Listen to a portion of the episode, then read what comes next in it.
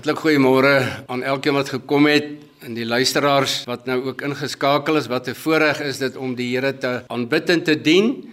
Ek is baie lief daarvoor om deur boeke in die Bybel te preek, om van die begin tot die einde deur te gaan. Af en toe dan wissel ons dit natuurlik af met spesiale geleenthede soos Paasdienste, nagmaaltye Die Here is vir ons baie goed. 46 jaar wat die Here vir ons hier geplaas het in 'n omgewing en ons dank die Here daarvoor dat ons op hierdie manier die woord kan uitdra. Ons gemeente glo aan Bybelbehoudende prediking om die skrifte oop te breek soos dit wat die Here vir ons in staat stel. Maar kom ons gaan eers na die troon van die Here en ons bid saam en ons vertrou vir die Here vir sy genade. Ek wil ook miskien net vir julle sê dat ek gaan preek uit Johannes 14 van vers 1 tot 8 met die titel Hoop te midde van ontstelde harte. Maar kom ons buig eers voor die Here as ons saam bid. Vader, baie baie dankie dat ons voor U kan buig nou in diepe afhanklikheid met die wete, Here, dis U woord, dis U boodskap. En ons het so nodig, Here, dat U deur die krag van die Heilige Gees sal werk in ons harte om te verstaan wat U vir ons wil sê. Nie net om te verstaan nie, Here, maar is so belangrik om toe te pas in die praktyk dit wat U van ons vra. En Here om ook te weet dat in u woord, in u het ons oplossings, ons het antwoorde. Daarin kry ons bemoediging, daarin kry ons leiding. En mag dit wees Here dat hierdie boodskap vanmôre en hierdie skrifteks wat ons gaan lees, eer en hulde aan u groot naam gaan bring. Here, ons gebedsverlange is nou stel ons in staat om te luister. Help vir ons om af te skakel van alles wat om ons is en Here om in te skakel by dit wat U nou vir ons wil sê. Ons bid dit met dankbaarheid in U naam. Amen. Ons gaan nou die welbekende lied sing Bring my die ou ou tyding tot eer van die Here.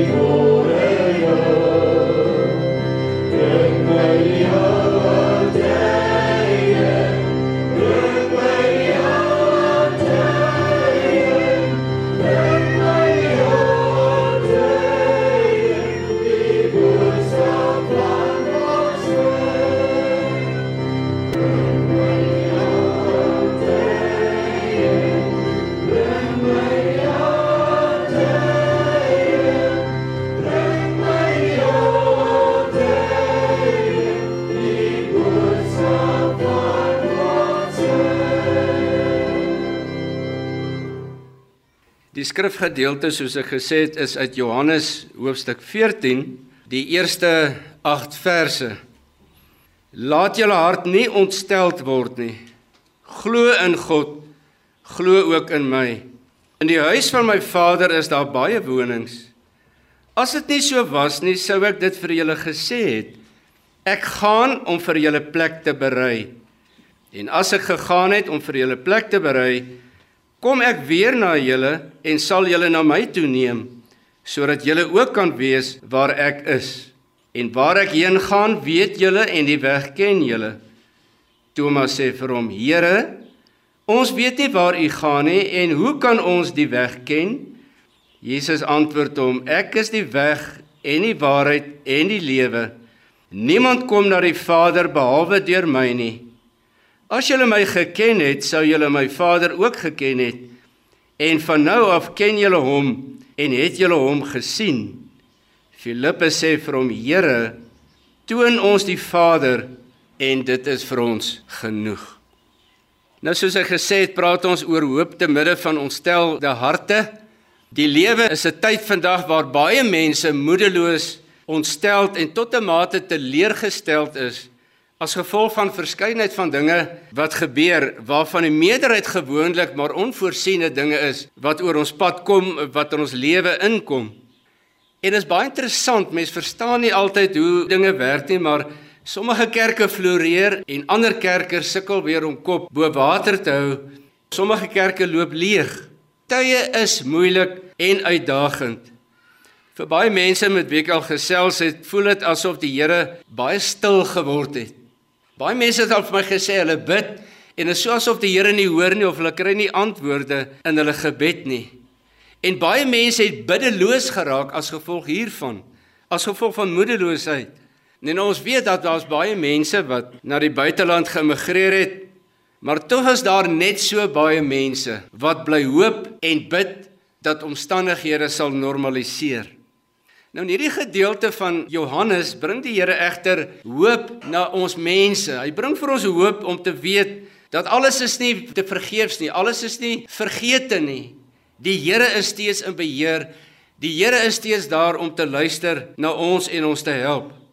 Nou ons moet een ding onthou.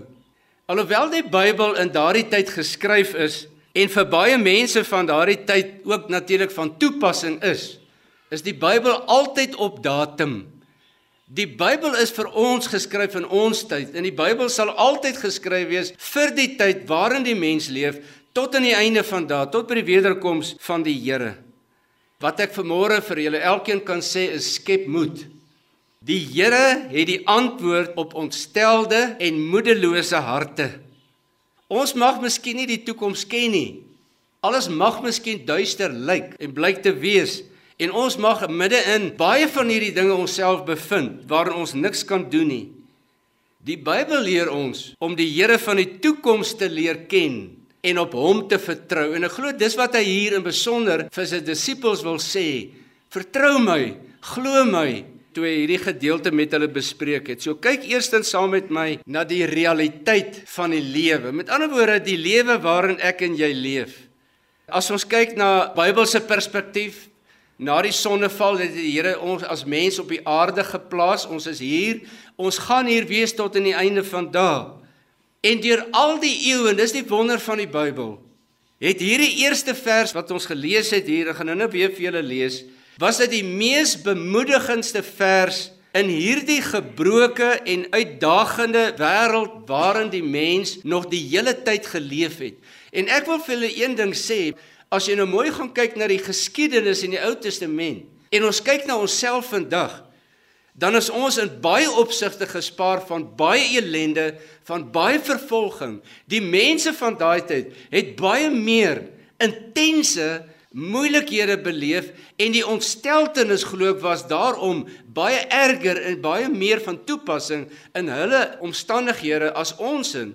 Alhoewel vir ons omdat ons gewoond is aan omstandighede, is dit vir ons maar basies dieselfde. Vir enige mens is die omstandighede wat ons steltenis veroorsaak vir hom of vir haar baie groot en baie intens.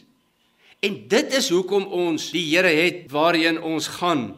Die teks sê vir ons laat julle hart nie ontsteld word nie. Die Here het nie 'n beperking geplaas dat ons mag nie ontstelde harte hê nie. Dat jy mag nie seer hê nie, dat jy nie mag huil nie. Dis nie wat die Here bedoel het hier, so asof ons volmaakte, ontstelvrye harte sal hê nie. Dis nie sy doelwit hoekom hy die teks gegee het en hoekom hy dit vir hulle gesê het nie. Maar wat hy wel sê wat belangrik is, wanneer dit gebeur, dan sê die tweede deel van vers 1: Glo in God, glo ook in my. En weet julle ek glo dit is hoekom die Here baie keer stil raak. Want ons as mens is geneig vir alles dinge goed gaan om op die goed van ons, die materialisme, ons gesondheid, wat dit ook al mag wees, dat ons so baie daarop staat maak en ons vergeet ons afhanklikheid van die Here dat ons van hom afhanklik is dat hy vir ons sorg dat hy ons Here God is. 'n Openbaring praat van die eerste liefde. Hy is ons eerste liefde veronderstel. Daarom glo ek daar's tye waar dit moeilik gaan sodat ons net weer op ons knieë kan kom en hom kan erken. Here, ons is totaal afhanklik van U. Ons kan niks op ons eie doen nie. Ons as mens is te dom. Ons het beperkte breinkrag, beperkte denkte, beperkte vermoëns. Maar in U en dit is wat die Here wil hê ons moet glo. En hierdie geloof is nie oornag nie.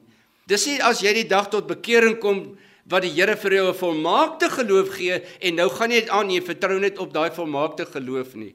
Dit is 'n stryd, maar dit is 'n stryd in die Here en dit is 'n stryd waarin ons moet groei. Die tydsbeperking van hierdie woorde aan die disippels het op 'n perfekte tyd gekom vir die disippels. Min het hulle geweet en verstaan seker op hierdie tyd. Maar die Here het geweet wat aan die kom is, daarom kom hy vroegtydig om vir hulle hierdie woorde te sê so wanneer dinge gebeur dat hulle kan weet die Here het vir hulle gesê ja onthou 'n bietjie glo in my vertrou my al verstaan julle nie vir dit wat ek vir julle gesê het vir dit wat nou met julle gebeur. Want die Here het geweet hier lê 'n geweldige moeilike tyd en uitdagende tyd voor hulle wat homself in besonder aanbetref want nie alleen sal hulle sy kruisiging beleef nie, maar ook weet dat vervolging hulle eie voorland gaan wees. Die vroeë kerk was geweldig blootgestel aan vervolging en die Here het geweet dat hierdie dinge vir hulle voorlê en hy wil hulle voorberei vir wat gaan kom. Nou die disippels het saam met die Here gelewe. Hulle het sy voorsienigheid beleef eersterhands.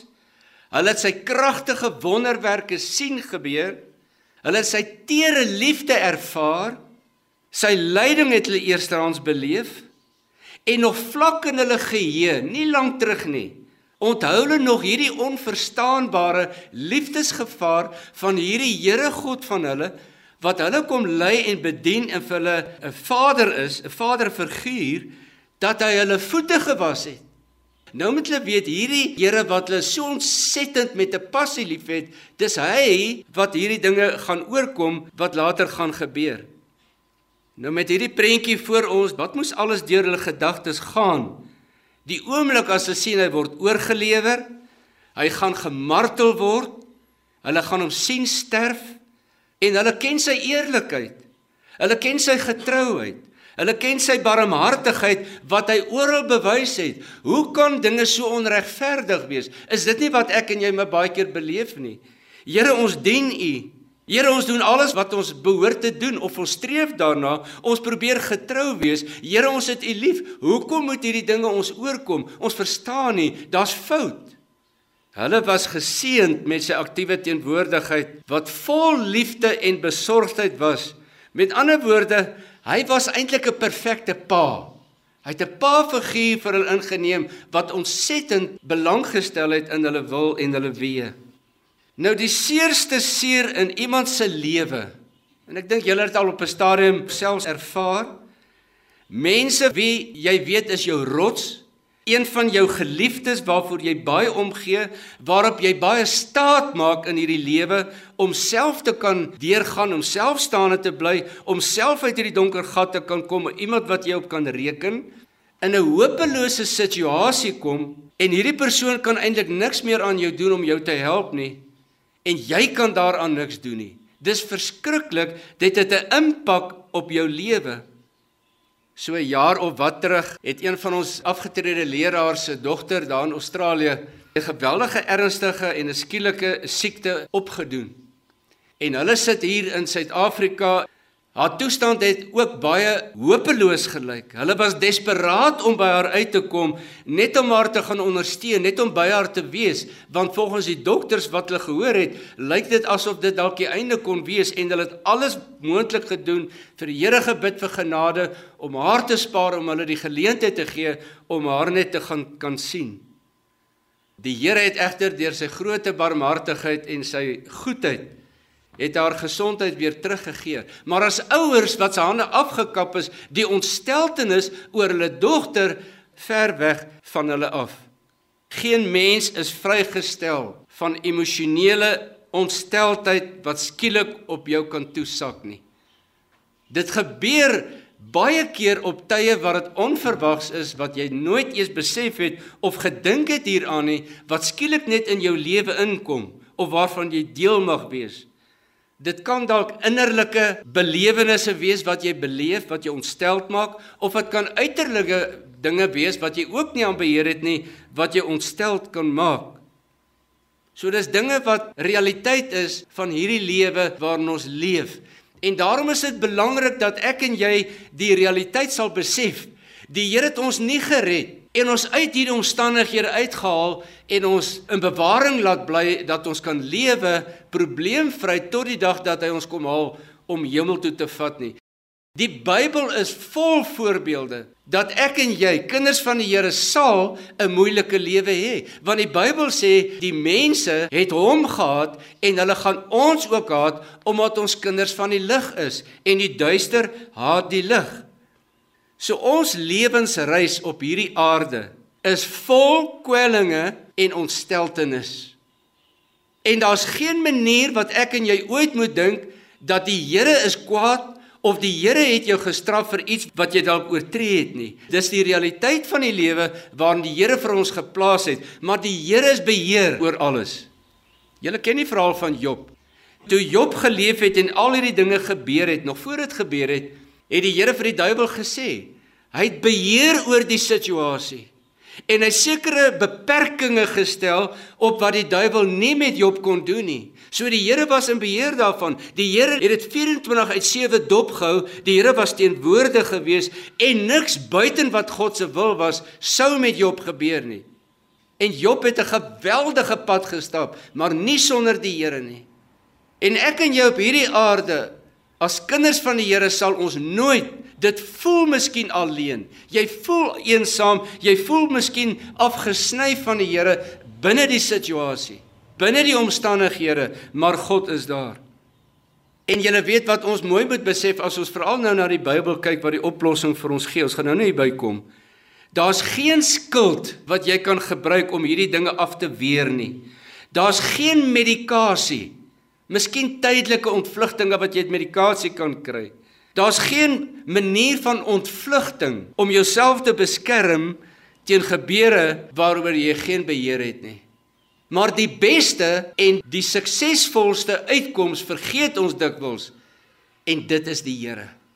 En dan probeer mens baie keer om self iets te doen omdat jou verstand dit vir jou uitwerk waarin jy is en jy probeer uitkom soek deur dit wat jy self beplan of dink wat gaan werk. In steede daarvan om op ons knieë te gaan en die Here te vertrou en in die Here te glo dat hy die waarmaker is en die een wat beloftes hou wat nie lieg nie. Nou selfs die getrouste gelowige en ek moet dit beklemtoon, die getrouste gelowige, die een wat miskien in 'n sekere sin menslik gesproke die naaste aan die Here lewe, sal een of ander tyd blootgestel mag word en deel hê aan 'n bitter beker om te drink. Baie mense sal kan getuig van bittere trane wat hulle soms in hulle beddens gestort het. Vele slapelose nagte as gevolg van daardie ontstelteldheid wat in jou hart woel waarin jy ook niks kan doen nie. Paulus skryf daar in een van sy briewe in 2 Korinte 11 En ek dink dieselfde met Job. As mens daarna gaan kyk met al sy wedervarings wat hy gehad het, deur sy lewe wat as Christen beleef het, toe hy die Here gedien het, slapelose nagte, sê hy, in doodsgevare, in gevangenskap, in skipbreek wat hy gelei het, in gevare van rowers en wilde diere en 'n hele rits van dinge wat hy daar sê. En hy het geleef vuriglik om die Here te dien, om te doen dat wat die Here vir hom gegee het om te doen. En ten spyte hiervan het hy getuig van al hierdie dinge wat hom oorgekom het. Het die Here hom verlaat? Nee. Was die Here vir hom kwaad omdat hy Christene vervolg het? Nee. Want God is 'n God wat vergewe. God is 'n God wat die mens soek. 'n Berouvolle hart het hy lief en hy wil saam met ons hierdie pad lewe, maar hy wil nie hê ons moet ons vertrou op onsself plaas, op my geld, op my sukses of wat ook al nie. Hy wil hê ek moet hom vertrou en ek moet hom vertrou dat dit wat met my gebeur is in sy raadsplan, is in sy wil vasgevang en hy het 'n doel met elke saak. Dit kan maklik voorkom dat jy dit miskien gemeet teenoor ander gelowiges is jou donker wolk miskien die donkerste van almal.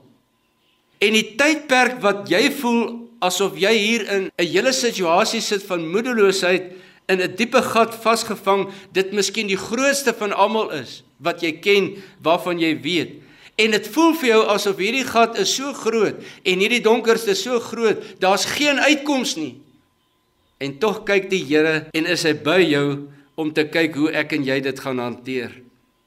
Nou hierdie wedervarings van Paulus en van die mense wat in die Bybel voorkom, is in die Bybel opgeteken vir jou en vir my se lewe vir die toekoms. Om ons hoop daarop te sit.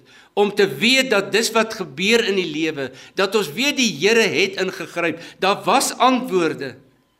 So die Here het dit gegee dat ons almal ingelig kan wees dat ons wel op die aarde swaar tye sal beleef.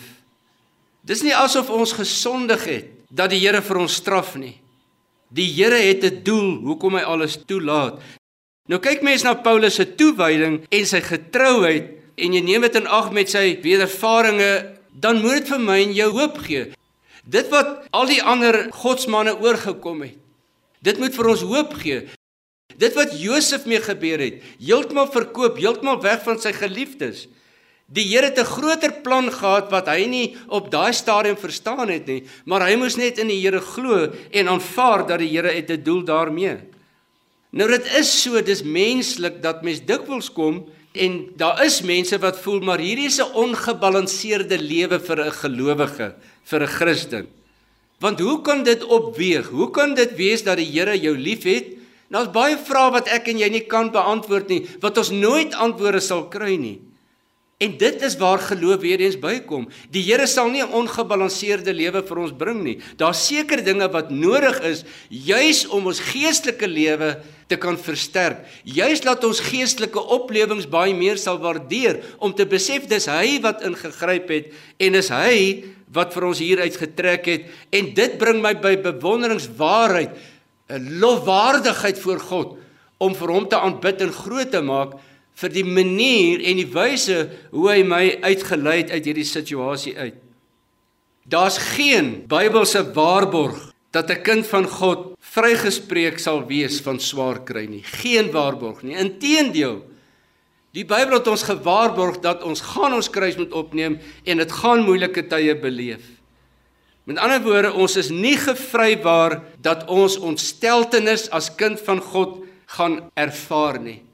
As ons dit gaan glo dat die Here my verlaat het of dat daar een of ander blokkade in my lewe is as gevolg van wat gebeur, dan is dit 'n probleem. Dan is die vyand besig om gedagtes in my wat verkeerd is in my op te wek en aan te blaas en ons moet versigtig wees om daaraan vas te klou en hieraan te volhard. Want die Bybel sê vir ons moenie ontstel raak nie. Hoekom nie? Want hy sê glo in my. Dis die antwoord en glo ook in die Vader. Met ander woorde, die Bybel gee wel die behandeling van ontsteltenis en dit is geloof. Geloof in God, geloof in die Here Jesus. Nou die Bybel daag ons as gelowiges uit om Christus na te volg.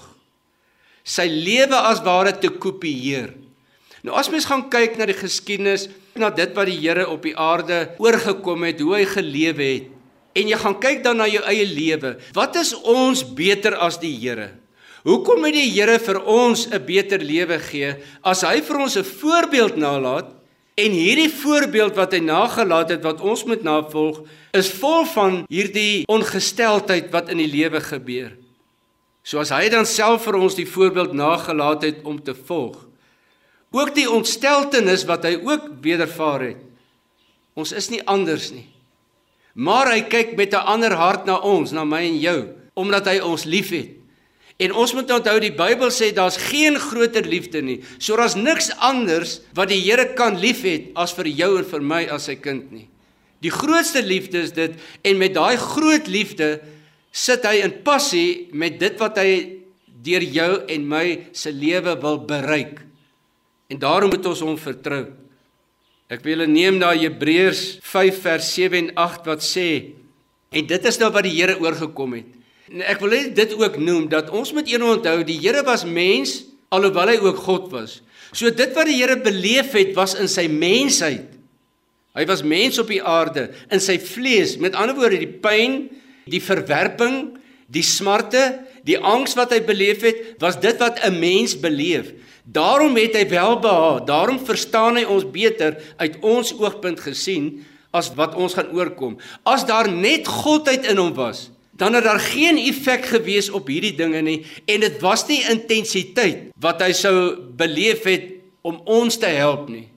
Hy het op die ergste graad hierdie dinge gelei. Nou Hebreërs 5 vers 7 en 8 sê hy wat in die dae van sy vlees gebede en smekinge met sterk geroep en trane aan hom, dis sy Vader geoffer het wat hom uit die dood kon red. Dis hoe desperaat die Here was. Hy wou losgekom het in 'n sekere sin hiervan omdat dit vir hom te groot was, want ons moet onthou aan die kruis het hy geweet daar gaan 'n tyd kom aan die einde van die kruis net voor sy dood wat hy gaan besef sy Vader het hom verlaat. Hy's totaal alleen.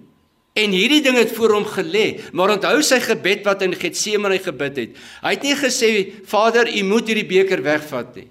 Maar dit was so erg dat hy die moed gehad om vir sy vader sê: "Vader, as dit U wil is, neem die beker weg." Kom ons lees dit. Hy wat in die dae van sy vlees gebed, smekinge met sterk geroep en trane aan hom geoffer het, wat hom uit die dood kon red en ook verhoor is uit die angs. Die Here het angstigheid beleef in vers 8. Hy al was hy die seun, het gehoorsaamheid geleer uit wat hy gelei het. So die Here het geweldige lyding deurgegaan en as ons lees wat die Here oorgekom het, die Jesaja skrywer, Jesaja 53 het baie meer detail van die intensiteit van sy lyding. En as jy daarna kyk, dan besef mens, dis die prys van ons loskoop. Dis die prys van ons sonde. Op die ergste graad het die Here dit gelei. En daarom daar's geen graad wat ek en jy kan opnoem wat naby die graad van die Here kom nie. Daarom wat vir my die hoogste graad is van my omstandighede, wat vir my lyk dis buite my kragte. Dis steeds daar waar God in beheer is, waarin my gaan in staat stel en my gaan bekragtig om deur te gaan. So wanneer ons dit alles in ag neem, die realiteit van ons ontsteltenis, dan kan jy nêrens in jou lewe of moontlik dalk nou waar jy nou vandag sit, kan jy jouself uit hierdie emosie gaan uithaal nie. Dis deel daarvan. Hier sit dalk iemand vanoggend of iemand wat inluister wat miskien in dieselfde of in 'n soortgelyke probleem sit met ontsteltheid wat er niks aan kan doen nie. Die antwoord is hier in die Bybel in hierdie teks vanmôre. Kom ons kyk dan na die hoop van wat die Here vir ons gesê het in sy woord. Die hoop wat hy aan die disippels gegee het, die hoop wat hy vandag aan my en vir jou wil gee. Kom ek lees dit weer in vers 1 as hy sê laat julle hart nie ontsteld word nie. Glo in God, glo ook in my. Nou hier is vertroostende woorde met 'n gewaarborgde toepassing van jou omstandighede wat jy kan inbring. Nou beide hierdie aspekte wat ek hier genoem het, vra persoonlike verantwoordelikheid en optrede. Ek en jy is die een wat in beheer is van die ontsteltenis wat ons daarmee gaan maak. Ek het nie beheer oor wat my inkom nie, maar ek moet kan hanteer dit wat in my lewe ingekom het. En ek moet dit kan verwerk. So ek moet na die Here toe kan gaan en 'n besluit neem, ek gaan die Here vertrou. En ek gaan nou nou hierby kom want dit is nie maar net iets wat net gebeur nie. Dis nie net so net gebeur nie. Alhoewel ontsteltheid hoofsaaklik onbeheerbaar na jou kom, moet jy voorsorg tref hiervoor. Dis hoekom die Here hierdie dinge vir hulle gesê het voordat die dinge gebeur dat hulle alreeds begin voorbereid wees. So wanneer dit gebeur, Weet jy waar jou hoop lê? Weet jy alreeds in wie jy kan glo sodat jy kan voorsorg tref dat hierdie ontsteltenis nie sodanig in jou lewe is dat dit jou hele lewe uitmekaar uitruk nie. Voordat dit jou lewe uitmekaar uitruk, moet ons na die Here toe kan gaan. Moet ek die gedagtes hê, moet ek die kennis hê, moet ek die geloof kan toepas om te sê Here, ek verstaan nie. Dis te groot om dit te verwerk. Maar ek gee my absoluut self aan u oor en ek vertrou u wat hierdie saak sal hanteer. Met ander woorde, jy kan nie die een van die ander skei nie. Die oplossing van die ons gestelde hart is om jou geloofsvertroue in die Here te plaas. Nou 'n hart wat volhard in ontsteltenis, daar's negatiewe gevolge wat in jou liggaam na vore kom. Omdat ons liggaam baie delikaat is, kan dit baie maklik wees dat ek word blootgestel aan depressie, ek begin meer en meer angs te beleef, ek begin moedeloos te word, my vertroue in die Here, my geloof in hom begin dit nou te kry as jy nie waak daarteenoor nie. As jy nie bewustelik toepas om te kyk, hoe moet jy lewe? Wat verwag die Here van jou om in hierdie situasie van die wêreld te kan leef en daardeur te gaan nie? Ek glo baie van ons, van julle wat hier sit, van julle wat luister, het al dikwels gehoor van ouers of dit self gesê vir jou kind, moenie huil nie, maar jy gee niks anders vir die kind by nie. Of moenie stout wees nie. Of pas op dat jy nie seer kry nie. Maar wat help dit om iets te sê en jy gee niks antwoorde of die uitkoms daarbey nie? En jy gee nie vir hulle advies as voorsorgmaatreël nie. Nou in hierdie teks beraad die Here vir sy disippels, hy beraad vir my en jou om te doen wat ontsteltenis Ek wil nie sê totaal gaan wegneem nie, maar om te minimaliseer, om dit minder te maak, want hoe sterker jy in die Here groei, hoe meer jy weet en ervaar dit wat die Here doen, hoe minder het hierdie ontsteltenis 'n uitwerking in jou lewe. En dit kan jou lewe nie meer sodanig beheer nie. Nou dit is wat die Here vir ons hier deur sy disippels wil leer. Hy wil leer dat ek en jy moet voorkomend funksioneer en nie te wag dat probleme sodanig die ontsteltenis opduik en dan te gaan uitkoms soek nie. Hy wil hê ons moet voorbereid wees in geloof in dit wat gaan kom. Maar nou kom ons by 'n baie belangrike aspek in hierdie geloof. Dis nie maar net 'n geloof wat in die lug hang nie. Dis nie maar net om iets te glo nie of dit wat ons nou gelees het maar net te glo nie. Dit gaan oor wat is die basis van hierdie geloof? Die basis van hierdie geloof is kennis in God. Dis kennis in die Here. Dis nie 'n doellose kennis soos die van die Fariseërs en skrifgeleerdes nie. Dis 'n doelgerigte, 'n aktiewe kennis. 'n Kennis wat nie slegs in die verstand gegraveer is nie, maar 'n kennis wat in jou hart lewe, 'n kennis wat jy kan toepas, 'n kennis wat in die praktyk werk. Nou dit is so, dis logies as mens gaan kyk na die hele lewe, maar net so in die Bybel. Hoe wyer jou kennis van God in sy woord is, of ek kan sê van die woord van God, hoe groter en sterker sal jou geloof in hom groei. Met ander woorde, hierdie dinge loop parallel. Hoe meer ek aandag gee, hoe meer ek geestelik groei, hoe sterker word die geloof. Hoe beter kan jy begin toepas want alles groei saam. So hoe groter hierdie geloof op die ou end, hoe sterker die verwerking van ontsteltenis. Soortgelyk soos die kennis en die toename beskryf Petrus in 2 Petrus 1 vers 2, mag genade en vrede vir julle vermeerder word deur die kennis van God en Jesus Christus ons Here. Met ander woorde, hoe breër jou kennis, hoe meer gaan jy vrede beleef. Hoe meer gaan jy genade beleef. Hoe breër jou geloof toeneem, hoe meer sukses sal jy hê en die ontsteltenis gaan meer en meer afgeskit word. Paulus haak hierdie volgende in Romeine 10 vers 14. Hoe kan hulle in hom dan aanroep en wie hulle nie geglo het nie? En hoe kan hulle in hom glo van wie hulle nie gehoor het nie? En hoe kan hulle hoor sonder een wat preek? Die geloof sê vers 17 is uit die gehoor en die gehoor is deur die woord van God. Geliefdes, Die Bybel wil ons dan vanoggend leer en kom bemoedig. Ons moet groei in die Here en ons moet hom vertrou vir dit wat hy gaan doen. En daarom kan ons net vandag vra: Skep moed. Hou vas. Bly in die voete van die Here. Leef tot eer van sy naam En dit is die antwoord wat hy vir ons wil gee in hierdie lewe. Kom ons bid net saam. Ag Here, baie baie dankie dat ons nou hierdie gedagtes in onsself kan inneem en Here dat ons kan besef wat u woord van ons vereis. Dat ons u sal vertrou met wat ook al in die wêreld gebeur. Here, ons bid nou dat u deur die groot genade en u liefde met ons sal wees en bly dat u heerlikheid ons sal vergesel en Here dat ons sal besef u genade is vir ons genoeg. Ons eer u in Jesus naam. Oh, Amen.